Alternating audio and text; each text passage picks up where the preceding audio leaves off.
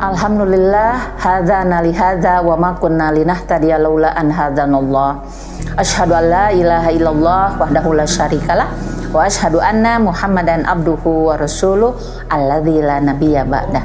Puji dan syukur kita panjatkan kehadirat Allah Subhanahu wa taala Alhamdulillah atas izinnya dan kasih sayangnya kita bertemu kembali dalam uh, koridor keilmuan dalam program Ta'arif wa Tafhimul Quran yang diadakan oleh Pemuda Persis Cabang Banjaran. Pada kesempatan ini ada satu hadis yang ingin saya sampaikan yang berkaitan dengan para wanita. Bagi saya hadis ini adalah uh, sebuah rambu-rambu dalam kehidupan saya bagaimana ke depannya kita harus menapaki seperti apa yang diinginkan oleh Rasulullah.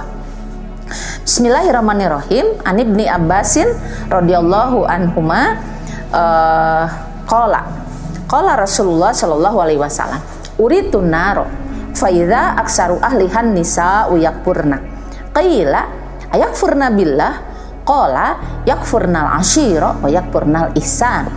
Lau ahsanta ila ihdahunna dakhra summa azmin kasaian qalat ma ra'aitu minka khairan qattu.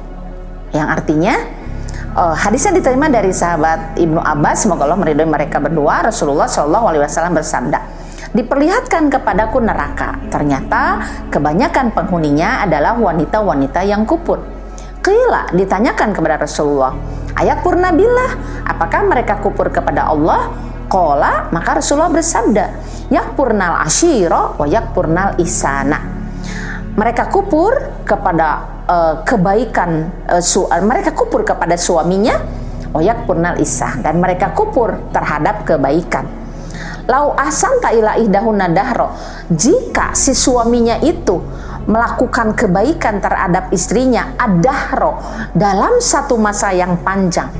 Kemudian sumaro ajmin kasayan dia melihat dari suaminya itu satu kejelekan maka si istrinya akan mengatakan maro aitu minka khairon kotu aku tidak melihat kebaikan darimu sedikit pun maka bagi kami para perempuan itu adalah sebuah rambu-rambu dalam menjalani kehidupan berumah tangga. Bagaimana supaya kita tidak dimasukkan menjadi ahli neraka? Bukan karena kita tidak sholat bukan karena kita tidak saum bukan karena kita tidak melaksanakan syariat Islam yang lain. Tetapi menjadi orang yang kupur nikmat terhadap suami dan kupur nikmat terhadap kebaikan yang dibuat oleh orang lain. Ketika si istrinya itu diberi kehidupan yang menyenangkan 10, 20, 30 tahun, maka uh, dia sangat menikmati yang diberikan oleh suaminya itu. Tapi pada saat suaminya di PHK, suaminya pensiun, usahanya uh, rugi, maka baru satu dua hari, sebulan dua bulan, istrinya mengatakan, Maro aitu minka khairun Tidak ada kebaikan darimu sedikit pun itu yang akan menyebabkan kita masuk neraka. Jadi penyebabnya adalah kupur nikmat terhadap semua pemberian dari suami. Alangkah baiknya ketika menjadi seorang istri itu bersyukur, berterima kasih terhadap apa pun yang diberikan oleh suaminya. Uh, bagi seorang wanita solihah, menjadi isi soleha itu adalah perjuangan panjang seorang perempuan di mana dia tinggal merapat kepada suaminya yang punya kemampuan untuk membawa dirinya sampai ke hadapan Allah Subhanahu wa taala. Jangan sampai kita sholatnya bagus, saumnya bagus, ibadah-ibadah yang lain bagus, tahajudnya tidak terlewatkan, duhanya tidak terlewatkan, tapi justru kita masuk neraka karena kita menjadi orang yang kupur nikmat. Ini khusus untuk bagi perempuan ya untuk uh, para ibu-ibu yang kemudian masih punya suami, dia bekerja. Saya sering mendengar ketika uh, di angkot atau sebuah pembicaraan di mana perempuan uh, mengatakan bahwa ya saya bekerja karena dari suami tidak cukup. Uh, itu yang sangat disayangkan. Kenapa? Karena dari alasan itu yang menyebabkan dia akan masuk neraka. Tetapi ketika niatnya itu dirubah, bahwa dia itu adalah untuk membantu di mana biaya hidup semakin mahal, menyekolahkan anak semakin mahal, maka itu menjadi tidak dosa. Apa? Ada e, bahu membahu antara suami dengan istri di dalam kehidupan e, apa keberlangsungan kehidupan rumah tangganya. Apakah itu untuk ke depannya mendidik anak, untuk menyekolahkan anak dan sebagainya. Hanya pada hadis itu bahwa seperti uh, dalam hadis yang lain Rasulullah mengatakan bahwa kebanyakan penghuni neraka adalah perempuan yang kupur terhadap suaminya dan terhadap kebaikan. Kalau kupur terhadap kebaikan apa sih? Yaitu ketika yang selalu diingat dari orang lain itu yang jeleknya, yang tidak menyenangkannya. Padahal setiap orang itu punya kekurangan dan punya kelebihan. Tetapi alangkah baiknya ketika yang diingat dari orang lain itu adalah yang baik-baiknya. Maka dengan demikian kita akan banyak teman, kita akan banyak sahabat. Kenapa? Karena kata Rasulullah yang disebut miskin adalah bukan orang yang pagi makan, sore enggak, tetapi orang miskin itu adalah orang yang ketika hidupnya itu tidak punya satu orang pun untuk dia berbagi untuk dia mengeluh, untuk dia meminta pertolongan. Hakikatnya itu adalah orang yang miskin. Tetapi ketika kita banyak sahabat, banyak teman, kita bisa berbagi, kita bisa sharing dalam kebaikan tentunya, maka itu adalah uh, tidak akan dimasukkan ke dalam neraka. Sebaliknya kata Rasulullah, meskipun banyak wanita yang kupur di dalam uh, kupur nikmat terhadap uh, suaminya dan terhadap kebaikan di dalam neraka tapi ada dalam hadis yang lain kata Rasulullah hadisnya diterima dari Aisyah bahwa begitu banyak penghuni surga adalah orang-orang yang miskin. Di antaranya para wanita-wanita yang diuji dengan kemiskinan tapi dia bertahan hidup. Dia sangat kona'ah dia hidupnya bersyukur terhadap Allah. Dan itu akan menyebabkan dia menjadi penghuni surga di banyak perempuan yang di dalam neraka, tetapi banyak juga yang masuk surga karena meskipun hidupnya diuji dengan kemiskinan, tetapi dia tidak menjadi kupur nikmat.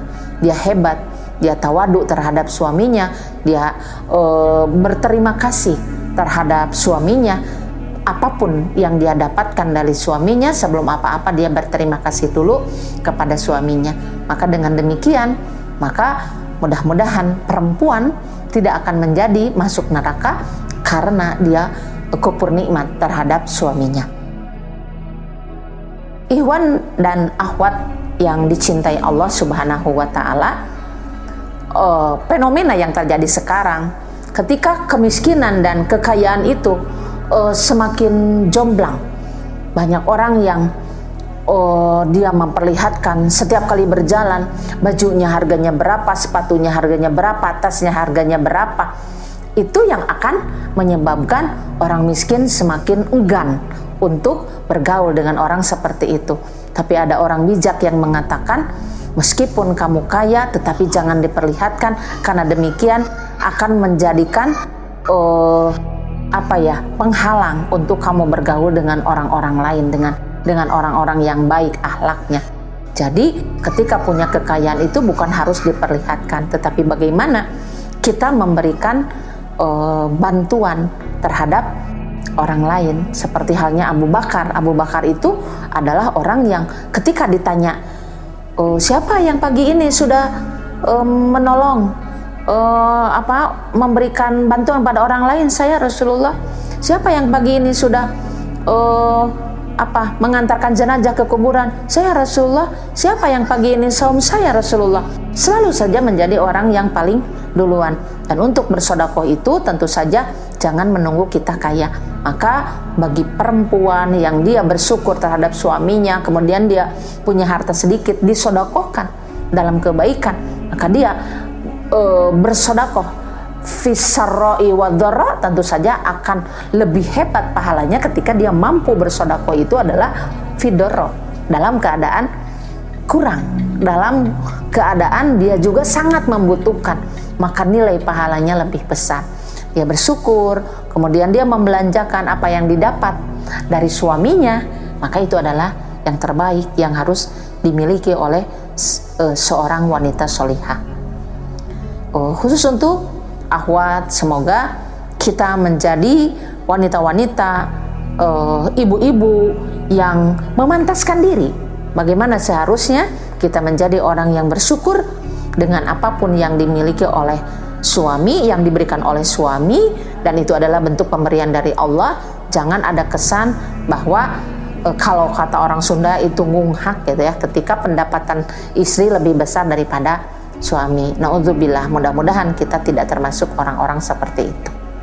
Demikian yang bisa saya sampaikan dari hadis ini e, riwayatnya oleh Imam Bukhari, kemudian hadisnya diterima dari sahabat Ibnu Abbas. Mudah-mudahan ini menjadi rambu-rambu dalam hidup kita. Ke depannya kita menjadi orang yang tidak durhaka terhadap suami dan tidak durhaka terhadap kebaikan sehingga kita memantaskan diri untuk masuk ke surganya Allah Subhanahu wa taala. Rabbana atina fid dunya hasanah wa fil akhirati hasanah wa qina adzabannar. Aqulu qauli hadza wa astaghfirullah li wa lakum. Wassalamualaikum warahmatullahi wabarakatuh.